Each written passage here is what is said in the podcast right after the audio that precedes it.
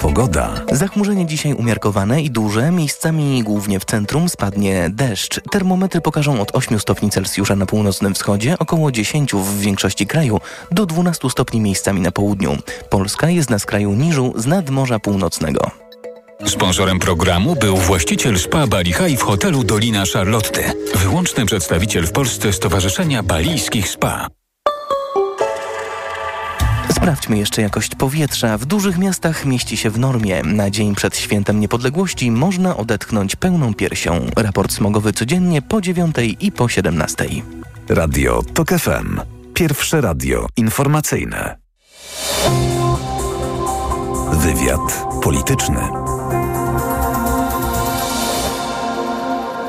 Karolina Lewicka, dzień dobry, witam Państwa i zapraszam na wywiad polityczny. Mój Państwa pierwszy gość, Kazimierz Michał Ujazdowski, senator Centrum dla Polski, Trzecia Droga. Dzień dobry. Dzień dobry Pani, dzień dobry wszystkim Państwu. Prezes NBP-u postanowił zaszczycić nas swoją konferencją dzień po dniu. Dziś odniósł się po raz kolejny do zarzutów jednego z członków zarządu, Pawła Muchy. Wczoraj sugerował, że Mucha walczy o wyższe wynagrodzenie, krytykując brak dostępu do pewnych dokumentów w banku, a dziś przekonywał, że dążą wspólnym wysiłkiem do solidarnego wyciszenia tego problemu. Zapewniał też, że w historii NBP-u nie było żadnego poważnego przypadku naruszenia procedur, nie mówiąc o łamaniu konstytucji czy ustawy. Brzmiał tak, jakby się bronił przed Trybunałem Trybunałem Stanu? To, to, to, zrozumiałe czy przewidywalne, że pan prezes Glepiński będzie w ten sposób się e, bronić, no ale skoro nawet z wnętrza e, tej instytucji, ze strony osoby nominowanej przez prezydenta Andrzeja Dudę e, stawiane są zarzuty naruszeń prawa, no to, to na pewno istnieje podstawa do odpowiedzialności konstytucyjnej prezesa Glapińskiego i y, do y, odwołania go z urzędu, ale y, tym wszystkim zajmie się mm, Sejm po ukonstytuowaniu. To jest w rękach marszałka Sejmu, nowego marszałka Sejmu Prezydium, by tę sytuację ocenić gruntownie. Sejm przecież uczestniczył w procesie powoływania prezesa Narodowego Banku Polskiego i ma podstawy do tego, żeby, żeby tą sprawą wnikliwie się zająć. Nowym marszałkiem Sejmu będzie Szymon Hołownia i ma pełnić tę funkcję według umowy koalicyjnej do 13 listopada 2025 uh -huh. roku. I Szymon Hołownia dzisiaj przed podpisaniem tejże umowy mówił, to już nie dobra zmiana, to, to mój wtrend, ale zmiana bezpieczna dla wszystkich i pojawiła się też taka zapowiedź w tejże umowie, że będą Państwo prowadzić przyjazny dialog w sprawach nieuwzględnionych w umowie, dialog z uwzględnieniem głosu społecznego. Jak Państwo chcą to zrobić? Są pomysły w otwartym parlamentaryzmie, projekcie reformy Sejmu, który e, przygotowałem i który zaakceptowała opozycja w e, dobiegającej kadencji. PiS odrzucił te projekty. Tam jest na przykład idea e, obowiązkowego konsultowania aktów prawnych przez trzy tygodnie, bez względu na to, czy wnosi je rząd, czy wnoszą je posłowie. To by dawało po pierwsze możliwość namysłu nad każdym projektem, wgląd każdego, każdej organizacji pozarządowej w proces stanowienia prawa. Zakładam, że trzeba zbudować narzędzie informatyczne, które pozwoli na otwarte konsultacje. Wreszcie demokratyzacja wysłuchania publicznego, to znaczy każdy ważny projekt ustawy powinien być poddany otwartej debacie z udziałem organizacji, między, organizacji pozarządowych. Nie na, do tej pory no, po prostu większość w komisjach o tym zdecydowała. Mój pomysł jest taki, by e, wniosek dwóch klubów decydował o e, wysłuchaniu publicznym e, i jednej trzeciej składu komisji. Czyli mielibyśmy sytuację taką, że każdy ważny akt prawny jest poddany wysłuchaniu publicznemu, czyli takiej procedurze, w której istnieje no, otwarty namysł nad każdym ważnym projektem ustawy. E, wreszcie przypomnę, że, w otwartym parlamentaryzmie jest też e, zakaz odrzucania ludowej inicjatywy ustawodawczej w pierwszym czytaniu, więc to, co przychodzi z, e, z wniosku obywateli, jako inicjatywa obywateli, musi być poddane procedurze parlamentarnej. Ale zakładam też, że nowy marszałek może mieć dodatkowe pomysły na otwarty, na otwarty i, i rzetelny proces stanowienia e, prawa. Bardzo bym tego chciał. Z pewnością Szymon Hołownia ma, panie senatorze, pomysły na to, jak e, naprawiać e, polski parlament. Sam mówił, że państwo zaczęło się w Polsce psuć od parlamentu i od Sejmu trzeba to zacząć naprawiać, bo jeżeli nie będzie zdrowego Sejmu, to nie będzie dobrego rządu. Być może znowu Sejm zresztą będzie pełnił funkcje kontrolne wobec rządu. Na razie Szymon Hołownia zapowiada, że znikną na przykład barierki sprzed Sejmu, że zwiększy się przestrzeń dostępna dla dziennikarzy, którą to przestrzeń sejmową, senacką. Senacką to nie od 2019 roku, ale wcześniej owszem ograniczało Prawo i Sprawiedliwość. To będzie niewątpliwie taki pierwszy krok, krok w kierunku przywracania parlamentu opinii publicznej, jak rozumiem, z którą my dziennikarze państwa łączymy. Jakie jeszcze zmiany powinny zajść i zastanawiam się, mm, no jak, jak nie chcą państwo dać się wodzić na pokuszenie temu sposobowi uprawiania polityki w parlamencie, jaki przez ostatnie 8 lat stosował w Sejmie PiS? No, to, to znów wrócę do konkretnych zamysłów, e, konkretnych propozycji otwartego parlamentaryzmu. Przede wszystkim trzeba odstąpić od tej e, błyskawicznej ścieżki stanowienia prawa, tak? Ustawy w pięć godzin, ustawa w ciągu jednego dnia. To jest to ma katastrofalne skutki dla obywateli, a przede, przede wszystkim dla przedsiębiorców. Mm, chyba e, rekordem I, były i, wybory kopertowe i, przeprowadzone w 113 tego, minut, prawda? Tak, no, mm, ale y, y, ład, y, polski ład, czyli polski chaos w podatkach, to też był przy, przypadkiem ustawy, która, nad którą pracowano kilka dni, ale z katastrofalnymi skutkami dla, dla podatników. I no, marszałek może zadeklarować, że najpierw e, zadeklarować wyraźnie, że z tej ścieżki większość polityczna nie będzie korzystała, bo taka furtka w regulaminie jest.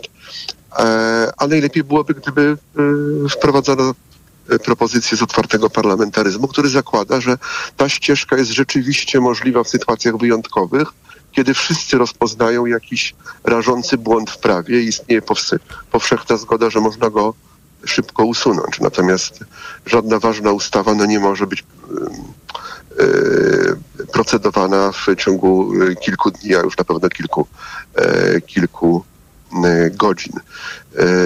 I no, bardzo, bardzo bym chciał, gdyby zdanie marszałka, nowego marszałka było w, tym, w, tej, sprawie absolutnie jednoznaczne, bo zwyciężyliśmy w wyborach, usunęliśmy złą praktykę, E, rządzenia, e, praktykę wprowadzoną przez Prawo i Sprawiedliwość, ale ogromna część opinii publicznej oczekuje w to miejsce e, zdrowych reguł, zdrowej praktyki. Nie tylko, żeby jedni zastąpili drugich, tylko żeby złe państwo zostało zastąpione dobrym państwem.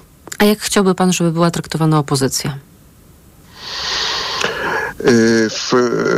Zdrowa demokracja parlamentarna oznacza sprawny rząd, który ma większość polityczną i nie można dawać opozycji niczego, co pozwala przeszkadzać w rządzeniu, bo każda zdrowa demokracja oparta jest na tym, że e, rząd ma prawo cieszyć się stabilnością, ma prawo wdrażać swój program. Natomiast e, w interesie społeczeństwa jest to, by e, opozycja miała prawa kontrolne. Stąd pomysł na to, żeby debata między rządem a opozycją odbywała się na zasadzie równości stron, no w formule brytyjskiej, tak, gdzie e, na e, pytania opozycji premier i ministrowie odpowiadają na gorąco. Pytania nie są cenzurowane, nie ma przewagi jednej ze stron.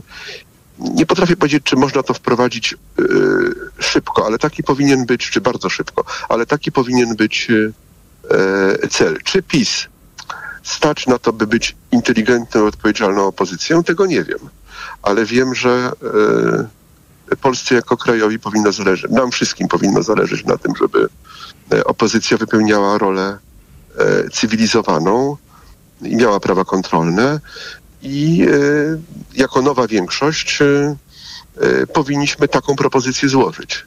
Jeśli chcecie być inteligentną, odpowiedzialną opozycją, będziecie mieć instrumenty. Jeśli chcecie być opozycją frontalną, budować jakiś rodzaj nowego państwa obok tego państwa realnego, to oczywiście e, całe te instrumentarium nie będzie, nie będzie działać. E, no, ale to zobaczymy, Spodziewa tak? się pan, panie senatorze, powtórki z takiej politycznej rozrywki, roz, rozrywka używam w cudzysłowie, bo przecież od 2010 roku można stwierdzić, że Prawo i Sprawiedliwość będąc w opozycji właśnie taką alternatywną rzeczywistość państwową, polityczną sobie tworzyło, delegitymi, delegitymizując e, władzę Platformy Obywatelskiej PSL-u, a w szczególności premiera No Donalda ale Tuska. teraz jest, ale teraz jest, PiS jest w nowej sytuacji. Ja no nie, nie jestem optymistą w tej sprawie, e, no ale e, nie wchodzi się do, drugi raz do tej samej rzeki. Tak, jeśli PiS chce być opozycją frontalną, zawziętą, zajadłą, to zejdzie ze sceny. Ja teraz mówię w kategoriach tego, czego potrzeba krajowi. Krajowi potrzeba parlamentu, sprawnego rządu, który ma możliwość wdrażania swojego programu. To osiągnęliśmy dzięki zwycięstwu wyborczemu i przepisy konstytucyjne dają i przepisy ustrojowe dają nam możliwość efektywnego rządzenia, ale Polacy zasługują na parlament z prawdziwego zdarzenia, y, który jest obszarem wolnej i swobodnej debaty. Jeśli PiS z tego nie chce skorzystać, to będzie odpowiedzialność PiSu, ale my dajmy taką szansę. Czy Sejm, panie senatorze, powinien zbierać się częściej niż zbierał się w ostatniej e, kadencji, ponieważ można było odnieść wrażenie, że Prawo i Sprawiedliwość chce doprowadzić do takiego no, mocnego ograniczenia roli Sejmu. Mnie się to trochę tak, zawsze tak. kojarzyło z tym, co zrobił marszałek Piłsudski z e, Izbą Niższą e, po zamachu majowym. To znaczy, niech ten Sejm nie ma kompetencji, tak, niech ten Sejm niczym się nie zajmuje, niech ten Sejm zbiera się jak najrzadziej się da. Marszałek Piłsudski jest wielką postacią polskiej historii, o czym O czym jutro będziemy na pewno wspominać. Dzisiaj jest rocznica jego przyjazdu na dworzec, prawda, w Warszawie z Magdeburga, e, a jutro objęcie władzy e, naczelnika państwa. Ale e, no, prawdę powiedziawszy, marszałek Piłsudski po 26 roku wykluczył możliwość wolnych i konkurencyjnych wyborów, zrobił coś więcej niż stało się w Polsce w ostatnich latach. Po prostu wykluczył możliwość mm, e, zmiany politycznej w drodze demokratycznej. E, Ta w Polsce nastąpiła. PiS raczej był zainteresowany tym, żeby przenieść ciężar e, polityki poza parlament i wykorzystywać tą e, super przewagę, jaką miał w mediach publicznych. E, ale e, my nie musimy być tym zainteresowani. E, Uważam, że rząd Donalda Tuska może skutecznie rządzić i zyskać zaufanie Polaków, e, czyniąc parlament czymś realnym, tak jak e, w większości państw Europy Zachodniej. Wracam do umowy koalicyjnej. Jak Państwo chcą unieważnić e, wyrok Trybunału Konstytucyjnego z e, jesieni 2020 roku? Oczywiście chodzi o kwestię aborcji. E, No, poprzez. Tu umowa koalicyjna rysuje pewien rodzaj doktryny, który jest, która jest ważna w odzyskiwaniu niezależności Trybunału Konstytucyjnego i niezależności sądownictwa.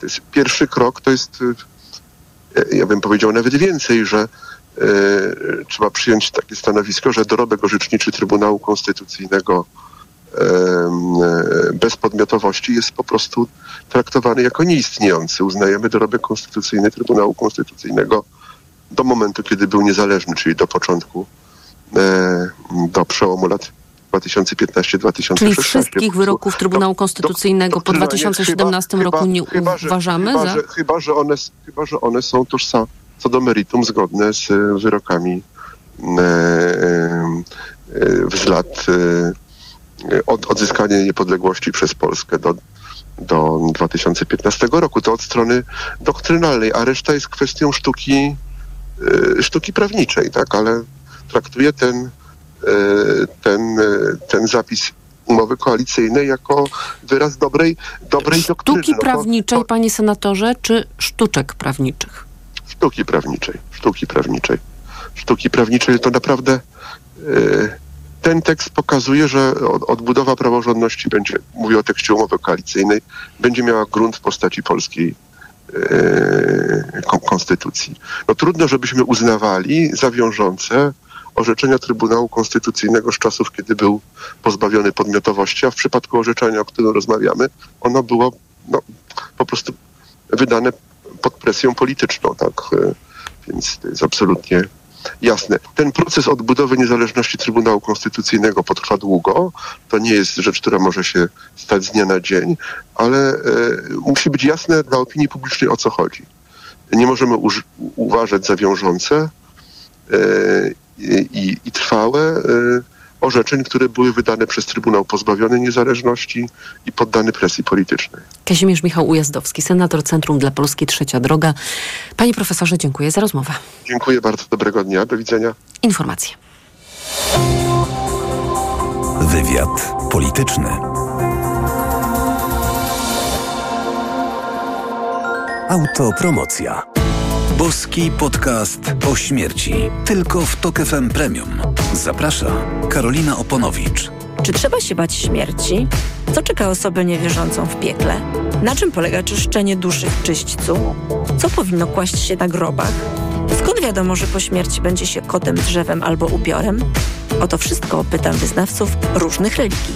Boski podcast o śmierci. Tylko w Tok FM Premium. Wszystkie odcinki tego podcastu znajdziesz na tokefm.pl oraz w aplikacji mobilnej Tok FM.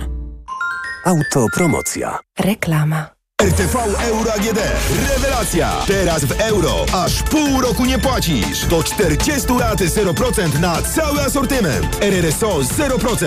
Promocja tylko do wtorku. Szczegóły i regulamin w sklepach i na euro.com.pl. Potrzebuję czegoś dobrego na zatoki. Proszę, Renopuren Zatoki Hot. Zawiera składniki wpływające na zdrowie górnych dróg oddechowych, w tym zatok. Tymianek. I wspierające odporność. Czarny bez, witamina C i cynk. Suplement diety Renopuren. Teraz również bez cukru. Aflofarm. W Play na święta smartfony Realme w ofercie z abonamentem tańsze do 50%.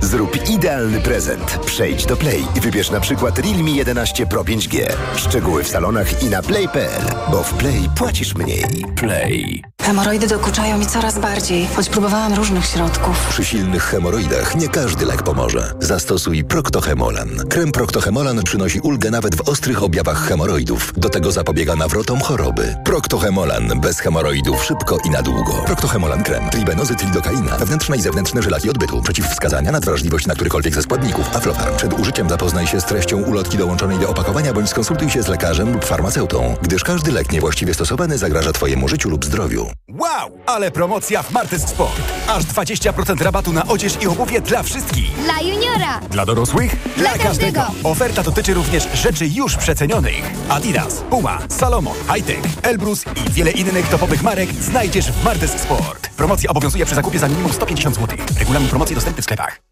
Aniu, opowiedz nam o hodowli kotów perskich. Hodowla kotów jest wymagająca, ale nie tak jak rozmowa z tobą. Ty też masz niezły pazur. Mówisz nie swoim głosem. Weź wokaler bez cukru. To wyrób medyczny. Używaj go zgodnie z instrukcją używania lub etykietą. Wokaler nawilża gardło, przez co likwiduje chrypę. Już mi lepiej. Wokaler pozwala szybko odzyskać głos. Polecam jako pan z radia. O, i nie zawiera cukru. A słodki, jak twoje kotki. Wokaler. Szybko dojdziesz do głosu. Zastosowanie, łagodzenie chrypki i podrażnień gardła oraz suchości wienie ustnej. Producent i podmiot prowadzący reklamę Aflofarm.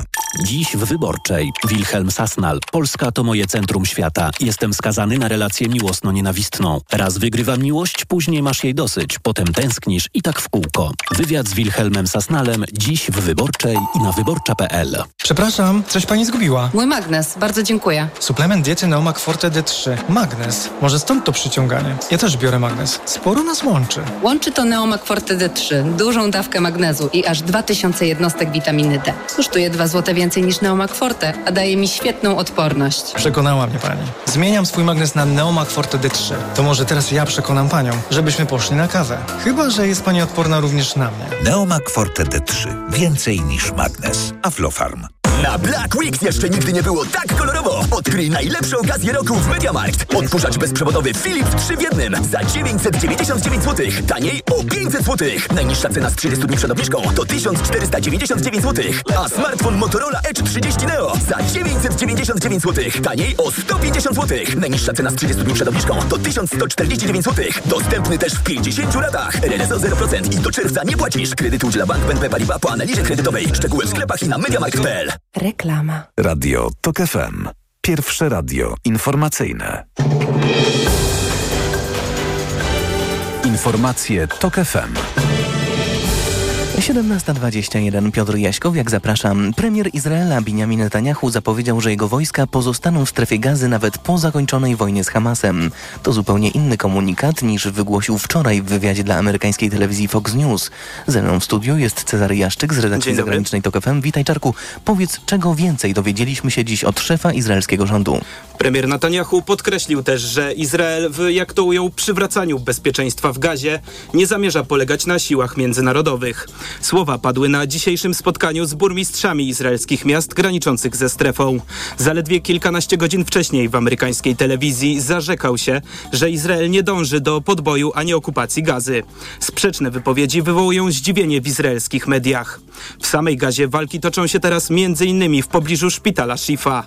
Według BBC izraelskie czołgi otoczyły budynek. Tel Awiw twierdzi, że do szpitala przylega Centrum Działań Operacyjnych i Wywiadowczych Hamasu. Dodam tylko, że bilans ofiar w całej strefie przekroczył dziś 11 tysięcy osób. O czym mówił Cezary Jaszczyk. Wielkie dzięki. Władze Londynu ściągają do miasta dodatkowych policjantów, którzy mają czuwać nad bezpieczeństwem podczas zaplanowanej na jutro manifestacji Solidarności z Palestyńczykami.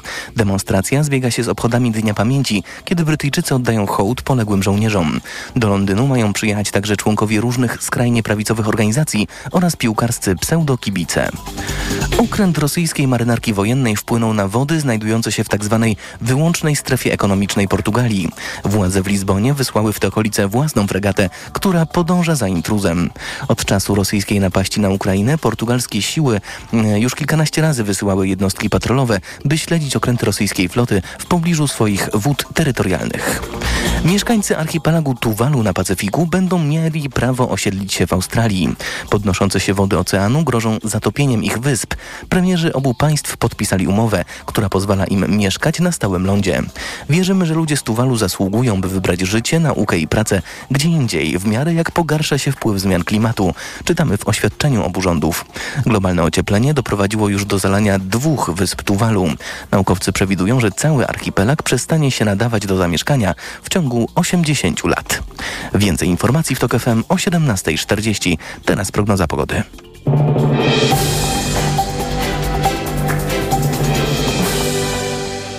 Sponsorem programu jest właściciel spa Bali High w hotelu Dolina Charlotte. Wyłączny przedstawiciel w Polsce Stowarzyszenia Balijskich Spa.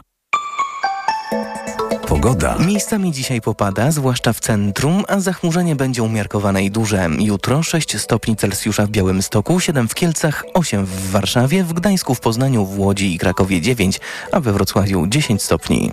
Sponsorem programu był właściciel spa Bali High w hotelu Dolina Charlotte. Wyłączny przedstawiciel w Polsce Stowarzyszenia Balijskich Spa. Radio TOK FM. Pierwsze radio informacyjne. Wywiad polityczny. Marcin Kierwiński jest z nami, sekretarz generalny Platformy Obywatelskiej. Dzień dobry, panie pośle. Dzień dobry, witam serdecznie. Liderzy podpisali się pod umową koalicyjną, ale zdystansowała się partia Razem. W rezultacie, jak rozumiemy, siedmioro posłów będzie głosować za wotum dla rządu, ale do rządu się nie wybierają. Stąd moje pytanie, czy jacyś kandydaci na ministrów, wiceministrów z Razem byli brani pod uwagę? To są decyzje wewnętrzne Nowej Lewicy.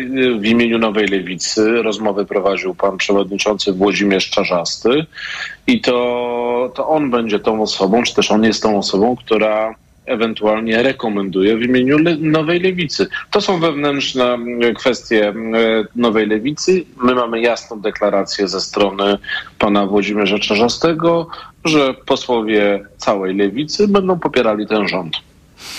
Adrian Zandberg o powodach takiej decyzji mówił, bo gwarancje, że będzie 1% PKB na publiczne budownictwo, 8% PKB na publiczną ochronę zdrowia, 3% PKB na badania, naukę i rozwój nie zostały wpisane do umowy.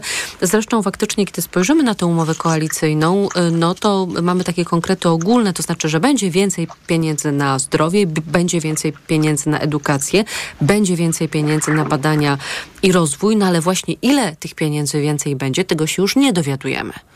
Pani redaktor, ta umowa zawiera takie credo tej nowej koalicji, to co najważniejsze, e, konkretne rozwiązania, o których mówiliśmy, które przedstawialiśmy w kampanii wyborczej, będą zapisane w konkretnych ustawach, konkretnych rozporządzeniach, czy też w konkretnych decyzjach tego rządu.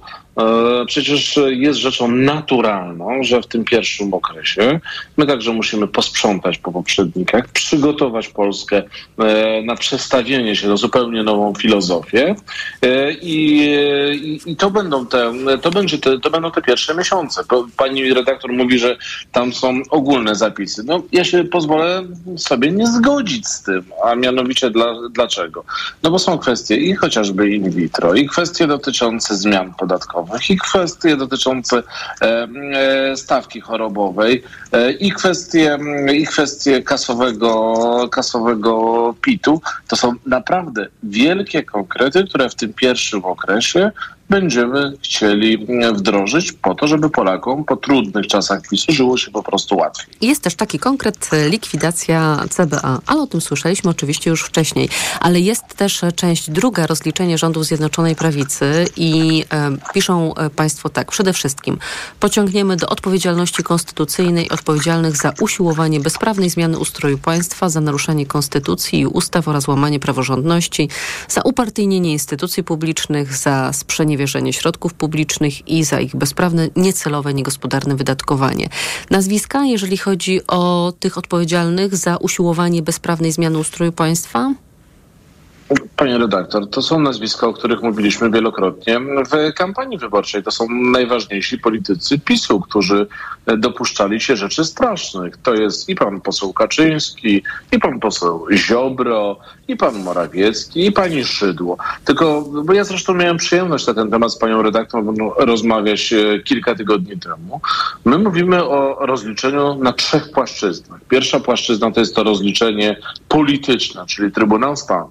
Druga płaszczyzna to jest rozliczenie e, to formalno-karne dla tych, którzy po prostu e, e, powinni pójść siedzieć za to, co robili. No i jest trzecia płaszczyzna, rozliczenie finansowe, bo ja, ja mogę to zobo- zobowiązać się do tego, że zrobię wszystko, aby wtedy, gdy publiczne pieniądze transferowane były w dziwnym kierunku, do dziwnych fundacyjek, spółeczek, stowarzyszeń, że zrobię wszystko, aby te pieniądze e, budżet państwa, a więc wszyscy Polacy odzyskali.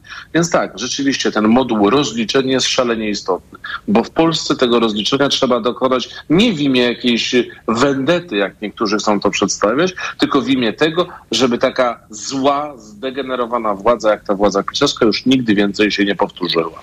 Jeżeli chodzi o personalia, panie pośle, no to mm, mamy zapisane, że Donald Tusk kandydatem na premiera, Władysław Kośniak-Kamysz na pierwszego wicepremiera, Krzysztof Gawkowski na wicepremiera, że najpierw marszałkiem Sejmu będzie Hołownia, a potem Czarzasta. Jeżeli chodzi o marszałka Senatu, no to najpierw Małgorzata Kidawa-Błońska, a potem po dwóch latach ktoś inny z Koalicji Obywatelskiej.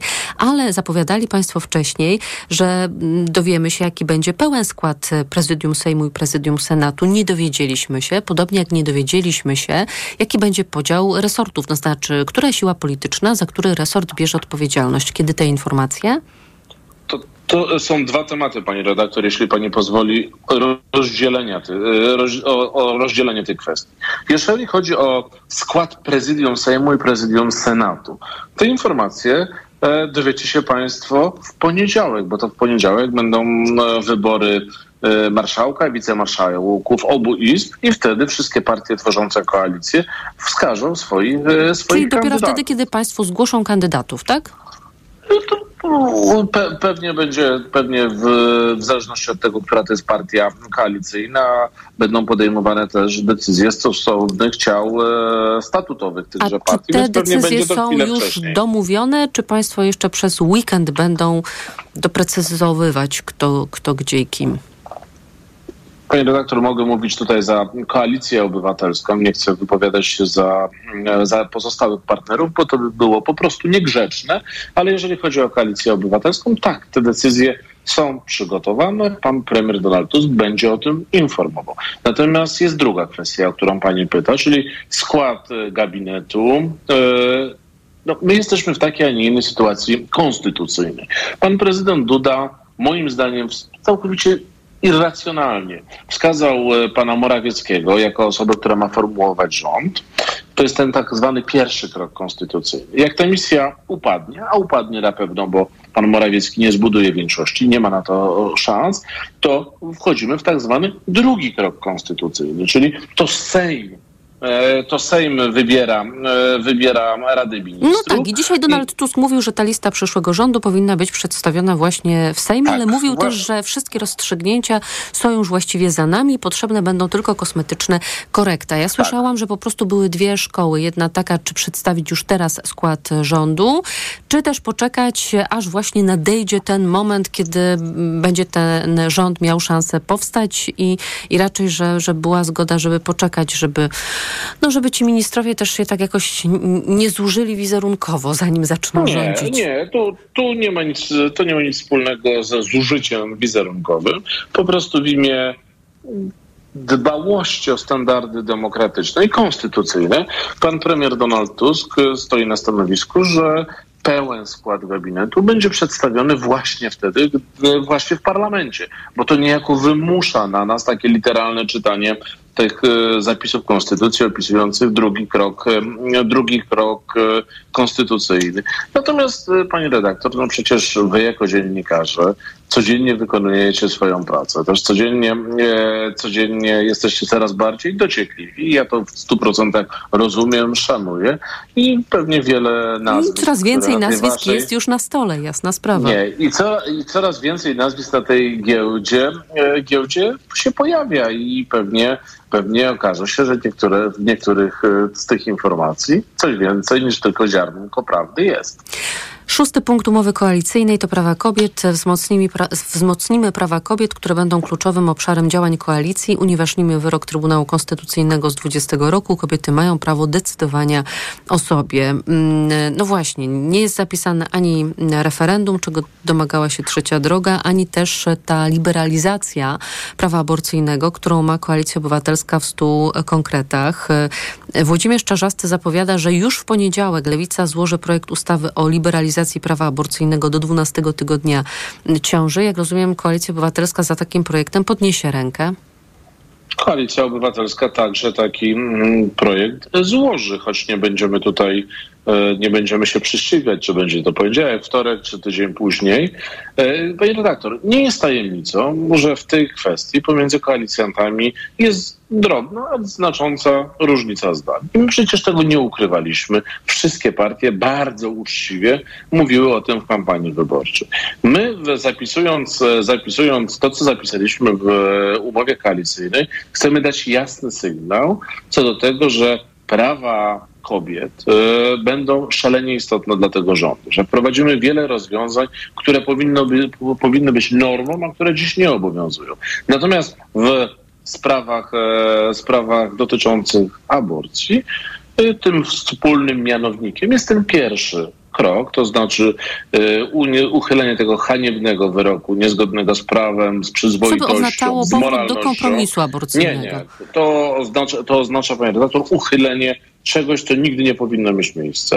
I to jest pierwszy krok. Natomiast co do drugiego kroku, tak, rzeczywiście są różne koncepcje. I my jako Koalicja Obywatelska zrobimy wszystko, aby wdrożyć tą naszą koncepcję, o której mówiliśmy, czyli pełnej e, mo- możliwości A decydowania zrobić kobiety. wszystko, to Tak, znaczy przekonać część polityków trzeciej drogi, żeby Będzie- zagłosowali za. Będziemy na ten temat z nimi rozmawiać, będziemy ich przekonywać. Ja przypomnę to, że poprzednie rozwiązania, które obowiązywały przez 30 lat, były też, e, były też efektem bardzo głębokiej debaty, która toczyła się. Dziś mam wrażenie, że taka debata musi, musi się toczyć także wśród partii koalicyjnych, aby wypracować również rozwiązanie na wiele, wiele lat. Rozwiązanie, które da kobietom prawo do decydowania, bo to jest dla mnie, nie ma to dla mnie żadnej wątpliwości, że to jest e, nasze wielkie zobowiązanie, które my jako Koalicja Obywatelska zrobimy wszystko, aby zrealizować. To jeszcze o Adama Glapińskiego chciałabym zapytać i tę dzisiejszą konferencję poproszę o krótką odpowiedź, bo Adam Glapiński twierdzi, że NBP jest atakowany i że cel jest jeden tych ataków chęć wprowadzenia siłą Polski do strefy euro. Pan Glapiński kłamie, pan Glapiński oszukuje Polaków, pan Glapiński jest człowiekiem, który doprowadził do tego, że wielu Polaków po prostu zbankrutowało. I my zrobimy wszystko, aby ten niekompetentny urzędnik jak, naj, jak najszybciej zniknął z naszej sceny politycznej. Ale mówię tu, jeżeli chodzi o osobę. Jeżeli chodzi o osobę. Celem e, NBP jest od tego, Narodowy Bank Polski jest od tego, aby realizować, też dbać o jakość złotówki, o siłę złotówki. Nie robi tego pod e, rządami Glapińskiego. Dlaczego? Dlatego, że Glapiński bardziej troszczy się o e, dobrostan Kaczyńskiego, a nie Polaków. Marcin Kierwiński, sekretarz generalny Platformy Obywatelskiej, poseł Koalicji Obywatelskiej, moim Państwa gościem. Dziękuję za rozmowę. Bardzo dziękuję. Informacje. Wywiad polityczny.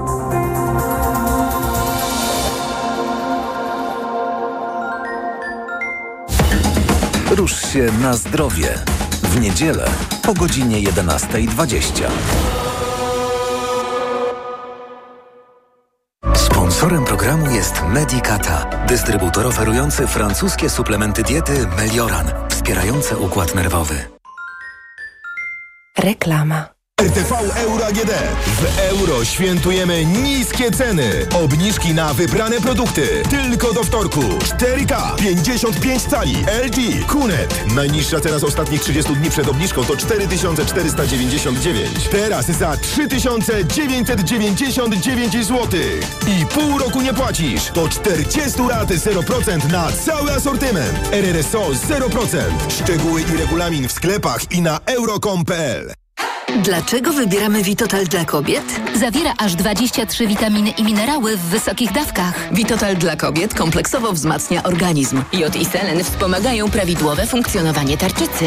Nie muszę martwić się celulitem i moją sylwetką. Wyciąg z winogron pomaga utrzymać wagę.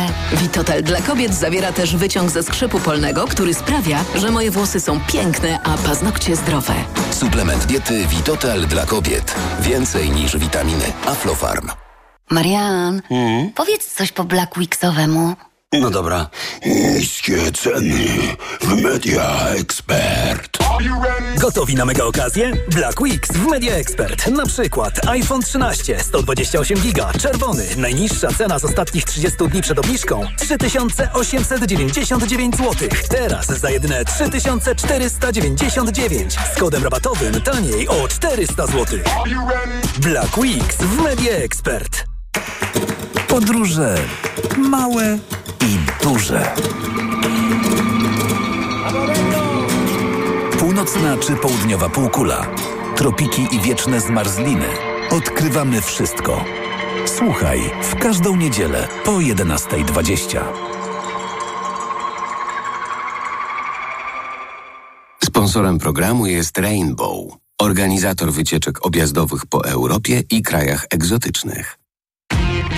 Zakupy robię w Lidlu, bo to się opłaca. Już od czwartku. Szynka wieprzowa rzeźnik. Cena przed obniżką 18,99 za kilogram. A teraz tylko 11,99 za kilogram przy zakupie do 4 kg. Cytryny luzem. Cena przed obniżką 8,99 za kilogram. A teraz 55% taniej. Tylko 3,99 za kilogram. A z aplikacją Lidl Plus tylko 2,99 za kilogram. Szczegóły promocji w aplikacji Lidl Plus. Dla takich oszczędności zakupy robię w Lidlu. Dziś w Wyborczej. Wilhelm Sasnal. Polska to moje centrum świata. Jestem skazany na relację miłosno-nienawistną. Raz wygrywam miłość, później masz jej dosyć. Potem tęsknisz i tak w kółko. Wywiad z Wilhelmem Sasnalem dziś w Wyborczej i na wyborcza.pl. Kaśka, to ty? Tak. Ale schudłaś. Stosujesz jakąś dietę? Nie, stosuję tabletki na wątrobę Hepa Slimin. Zobacz, wątroba spisuje się wspaniale i jem wszystko, choćby czekoladę. Widzę, że Hepaslimin wspomaga też utrzymanie smukłej sylwetki. To tylko taki słodki dodatek. Przecież ja nie muszę się odchudzać. Pewnie, że nie. To ja też będę brać Hepaslimin. Chcesz mieć słodkie życie bez diety? Chcę mieć zdrową wątrobę.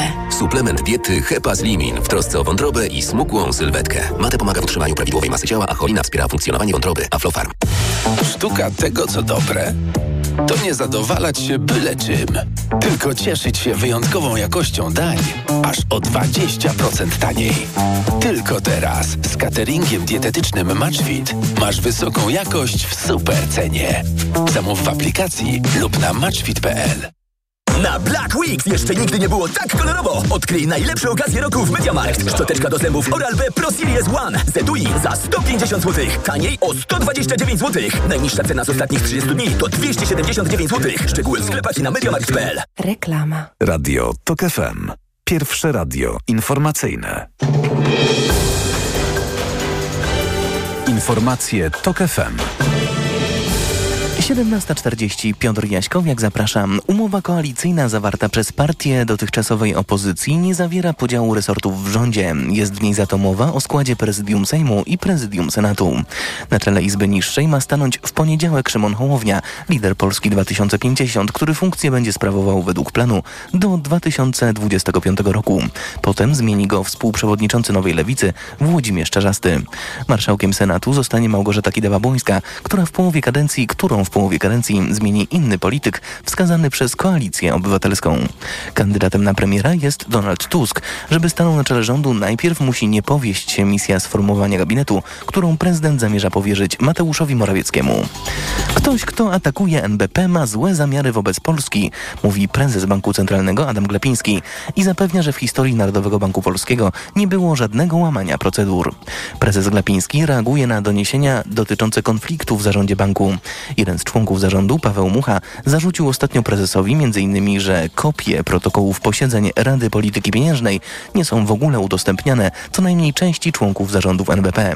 Również profesor Joanna Dyrowicz z Rady przyznała dzisiaj w TOK FM, że nie ma dostępu do protokołów. Tak komentował to Adam Glapiński. Bardzo dla nas są bolesne te publicznie w tej chwili rozgrywane potyczki, z którymi nie mamy nic wspólnego, w których dobro Narodowego Banku Polskiego, jego obraz, jego prestiż są naruszane. Prezes NBP zorganizował w tej sprawie konferencję prasową z udziałem niemal całego zarządu i całego kierownictwa działu prawnego banku. Adam Glapiński stwierdził, że jest w kontakcie z Pawłem Muchą, próbując wyciszyć konflikt, który jego zdaniem jest rozdmuchiwany przez polityków. Ogromne korki w stolicy Ukrainy na skutek czterogodzinnego alarmu przeciwlotniczego. Kijowianie już sześciokrotnie zbierali podpisy pod petycją, w której domagali się, by nie wstrzymywać ruchu na ulicach w czasie alarmu, ale władze miasta sześciokrotnie odmówiły.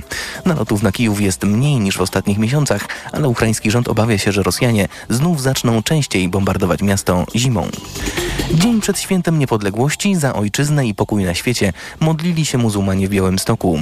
W 1918 roku Rzeczpospolita została wyswobodzona z niewoli wspólnym staraniem ludzi różnych wyznań, mówił mufti Tomasz Miśkiewicz. Modlitwa za ojczyznę na święto niepodległości jest tradycją polskich muzułmanów sięgającą czasów przedwojennych. O 18 więcej informacji w magazynie TOK 360.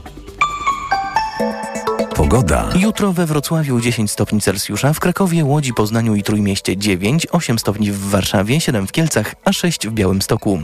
Dzisiaj miejscami meteorolodzy zapowiadają deszcz, głównie w centrum kraju. Radio TOK FM.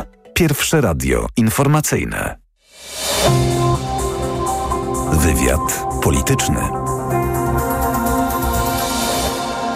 Profesor Piotr Osenka jest z nami, Instytut Studiów Politycznych PAN. Dzień dobry, panie profesorze. Dzień dobry. Przed nami Święto Niepodległości, już jutro. I znów mam taką refleksję, że tak pięknie potrafimy państwa bronić, państwo odzyskiwać, odwojowywać, a jak już to państwo jest, to jakbyśmy tak tracili do niego sympatię, a nawet nim zainteresowanie. No i oczywiście wiemy, że w literaturze przedmiotu politologicznej chociażby mamy takie dwa typy patriotyzmu wyszczególnione. Symboliczny, ten skierowany ku przeszłości. Groby, pomniki, martyrologia. No i ten taki codzienny, zwany w którym liczy się ta identyfikacja z państwem tu i teraz. Dlaczego my ciągle tkwimy w okopach historii? No, pytanie właśnie, czy my wszyscy tkwimy w okopach historii. Wydaje mi się, że to raczej takie sformułowanie dotyczy pewnych grup politycznych, pewnych, pewnej części elit politycznych, bo no, jeśli chodzi o ogół społeczeństwa, i to zresztą też potwierdzają różnego rodzaju badania socjologiczne, to, to nie jest tak, że Polacy bardzo tą przeszłością żyją, że to jest coś, co, co ich tak niezwykle nurtuje i co wpływa na przykład na ich wybory polityczne. Owszem, no, respondenci pytani o, o przywiązanie do tradycji zazwyczaj odpowiadają, że są przywiązani, ale później w, w różnych pytaniach krzyżowych to, to jednak to zjawisko umyka. Mnie się wydaje, że to w dużej mierze jest tak, że ta niepodległość już jest odzyskana i nie ma takiej potrzeby przeżywania, tak bardzo internalizowania tych jakichś bolesnych doświadczeń związanych z przeszłością. E, to jest charakterystyczne zjawisko raczej dla okresu wojny, rozpadu państwa. No miejmy nadzieję, że nie będziemy nigdy takiego niczego doświadczali ponownie i że ten, ten patriotyzm z takiego patriotyzmu właśnie obywatelskiego nie stanie się takim gorącym patriotyzmem e, okresu trwogi. A czy wciąż są obecne takie zjawiska długiego trwania? Zabory, okupacja, państwo niby suwerenne, tak naprawdę pod kontrolą Moskwy. I te wszystkie nasze doświadczenia historyczne, na to zwracali uwagę i historycy, i politolodzy, sprawiły, że zaczęliśmy traktować państwo jako coś obcego, opresyjnego. Generalnie nie my jako część państwa, tylko to państwo i oni, czyli politycy, gdzieś tam daleko od nas. I z tym wiązała się chociażby kwestia małego zaufania do instytucji.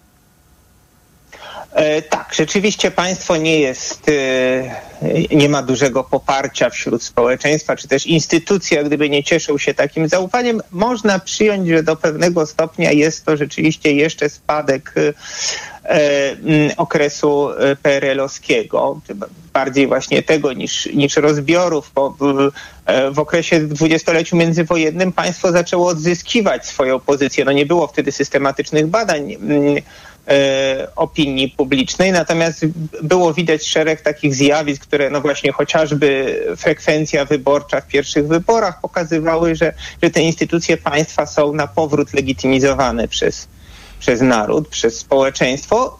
Później w PRL-u w oczywisty sposób te uczucia propaństwowe zostały stępione, dlatego że, że państwo funkcjonowało jako taka wielka gra pozorów, taka ogromna atrapa. Mieliśmy atrapę demokratycznie funkcjonującego państwa z wyborami, z parlamentem, ale wiadomo było, że to nie są organy decyzyjne i to jak gdyby skłoniło większość Polaków do ucieczki w prywatność, w takie małe, małe sieci społecznościowe, wąskie, przyjacielskie, oparte na znajomych, i w nich e, ludzie się czuli swobodnie i bezpiecznie, natomiast do tego, co poza tymi sieciami czuli nieufność, ale myślę, że to też się zmienia. I na przykład ogromna frekwencja ostatnich wyborów właśnie pokazuje, że e, że jednak instytucje państwa odzyskują zaufanie. Oczywiście wiemy, że w tych wyborach część głosowała bardziej przeciw niż za, ale mimo wszystko to pokazuje powrót e, takiego zaufania i wiary w to, że państwowe instytucje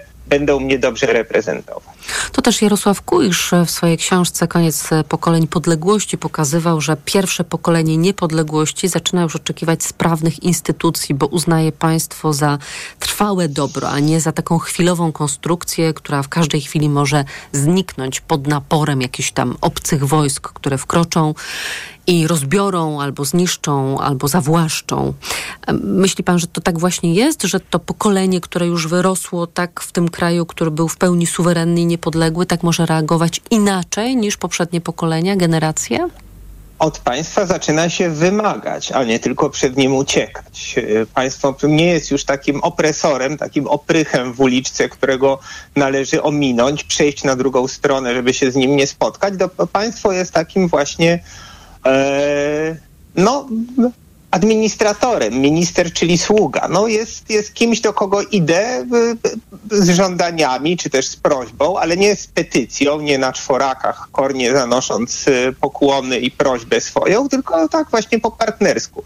Słuchaj, załatw mi to i to, bo potrzebuję. I y, tak, no i to jest oczywiście y, taki model, który wiemy skądinąd, że w wielu innych krajach e, utrwalonej demokracji dobrze funkcjonuje i mam nadzieję, że on się w Polsce przyjmie. Oczywiście pod warunkiem, że, że państwo będzie te nadzieje spełniać, że w pewnym momencie nie zawiedzie i obywatele nie zaczną dostrzegać, że powinni stworzyć sobie jakieś inne, alternatywne kanały. No ale na razie nic na to nie wskazuje, więc myślę, że możemy być optymistami. Ostatnio napisał pan tak, profesorze. Sztandarową inwestycją rządów PiS nie jest lotnisko w Baranowie przekop Mierzei, ani elektrownia w Ostrołęce, ale kombinat produkujący propagandę historyczną.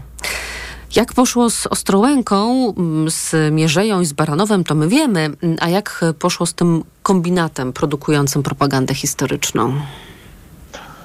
On w dużej mierze stał się, myślę, karykaturą samego siebie. To znaczy ta e, wielka inwestycja w przeobrażenie, przebudowanie mentalności Polaków y, no nie przyniosła żadnych owoców. To nie jest tak, bo gdyby, gdyby przyniosła, no to PiS miałby teraz 70-80% w ostatnich wyborach, bo e, e, społeczeństwo w, no, unisono zachwycone tym, że tak dużo mówi się o godności narodowej i, i bohaterskiej historii, by poparło rząd, który, który broni właśnie tradycji i realizuje tę, jak to PiS ujął, politykę historyczno-tożsamościową. No a jak wiemy, było, było inaczej. Z całą pewnością ten kombinat natomiast pochłonął ogromne, niewiarygodne ilości środków i skądinąd wiemy, że te środki zabrano z innych miejsc, na przykład z finansowania badań naukowych.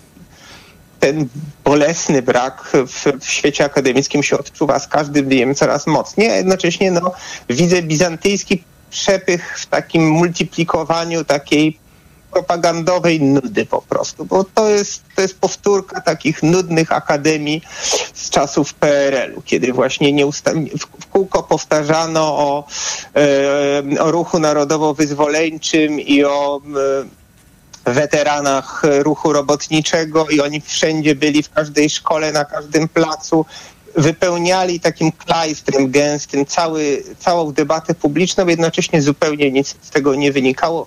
Po wszystkich spływało, czy prawie po wszystkich spływało to jak woda po gęsie. Myślę, że PiS osiągnął teraz podobny efekt, to znaczy e, ta propaganda była w dużej mierze niestrawna, nie spełniała żadnych swoich funkcji, a już na pewno nie nie, jak gdyby nie poprawiała ona położenia Polski na arenie międzynarodowej, a to przecież miało być jednych, jednym z założeń, że Polska zacznie mówić o swojej historii i przez to pełnym głosem, nie tak jak za Tuska, że żeśmy nie mogli e, być dumni ze swojej historii, teraz będziemy dumni ze swojej historii i zaczną nas wszyscy szanować. No a jak wiemy, raczej wystawiliśmy się na pośmiewisko niż, e, niż przyciągnęliśmy jakąś niebywałą atencję świata.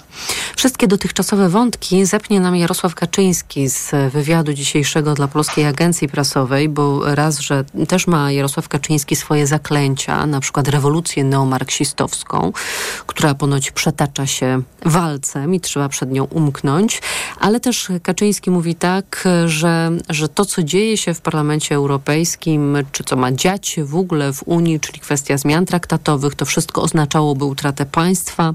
Stalibyśmy się terenem terenem zamieszkanym przez Polaków, zarządzanym formalnie z Brukseli, a realnie z Berlina.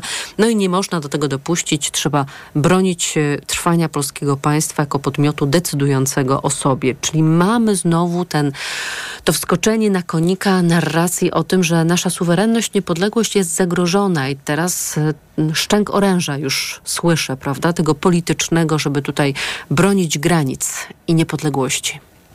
No, to jest ten, tak, ten najwyższy diapazon takiego politycznego wzmożenia, czyli albo jesteśmy mocarstwem pod rządami PiS, albo jeżeli PiS przestaje rządzić, to stajemy się, polska państwowość przestaje istnieć. Czyli tak jak gdyby, no tak naprawdę emanacją polskości jest Rada Polityczna PiSu. Póki ona ma wpływ na sytuację w kraju, to, to, to, to jesteśmy, mamy zapewnione miejsce w Europie. Jak przestaje mieć zapewnione to wpływ na sytuację w kraju, to też Polska traci niepodległość. No jest to w oczywisty sposób takie karykaturalne, przerysowane. Nie wiem, czy sam Jarosław Kaczyński w to wierzy, co mówi w ten sposób. Myślę, że jest to raczej e, celowa przesada.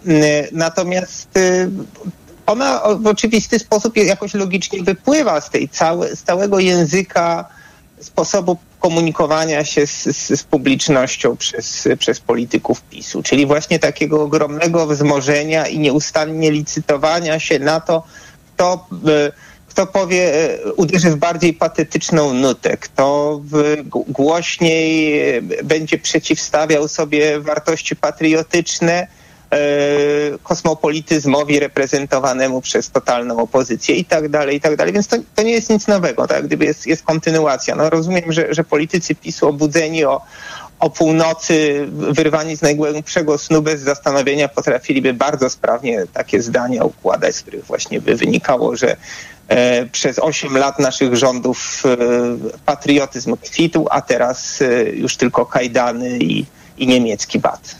Wszyscy znamy to zdanie Romana Dmowskiego, że myśmy tak odbiegli od innych narodów, że świętujemy klęski, gdy inni świętują zwycięstwa. Jakoś tak nie udało nam się, myślę, wypracować e, modelu świętowania święta niepodległości. E, Prócz tego, że są różne oficjalne przemowy, składanie kwiatów, e, tak, no trochę odbiega Poznań, który ma rogale świętomarcińskie i pochód główną ulicą miasta, ale tak generalnie, hmm, no dlaczego, dlaczego jakoś tak się to świętowanie, jakiś sposób na spędzanie tego czasu nie wykształcił? No Warszawa ma jeszcze niestety Marsz Niepodległości. Mm, I, I czy dlatego, że to listopad? Kiepski miesiąc. to pewnie się też do tego przyczynia. Myślę, że też y, to jest związane z pewnym, i to, to rzeczywiście jest długi cień PRL-u, czyli zepsucie i zniszczenie wiary w y, sens uczestniczenia w świętach państwowych. One jednak przez e, kilkadziesiąt lat były takim pustym ceremoniałem. Często udział w nim był przymusowy, tak jak w pochodach pierwszomajowych, e, gdzie zmuszano załogi fabryk, żeby uczestniczyły w tych pochodach. Były różne systemy nadzoru i właśnie wymuszania obecności. Mm, I jakby sztucznego entuzjazmu. Tak, tak. I to wszystko w pewnym sensie obrzydziło. Oczywiście można powiedzieć, że no już niedługo będziemy e, prawda, obchodzili 35. rocznicę upadku komunizmu, więc jest czas, żeby, e, żeby mm, wypracować jakieś inne e, wzory świętowania, ale myślę, że one się pojawiają, tylko nie są związane z taką historią polityczną. No, pojawiają się... Musimy kończyć powoli, więc ostatnie zdanie. Tak, no na przykład, na przykład y, różnego rodzaju y, święta, y, powiedziałbym takie prywatne czy sportowe. Potrafimy świętować chociażby, nie wiem, zabawy halloweenowe. E, potrafimy być weseli, tylko niekoniecznie z przyczyn martyrologicznych. Profesor Piotr Osęga, Instytut Studiów Politycznych PAN, dziękuję za rozmowę. Dziękuję bardzo. Do widzenia. Program przygotował Michał Tomasik, a zrealizował Adam Szuraj, za chwilę Wojciech Muzal i TOK 360. Ja Państwu życzę udanego weekendu i udanego świętowania Święta Niepodległości. Do usłyszenia. Wywiad polityczny.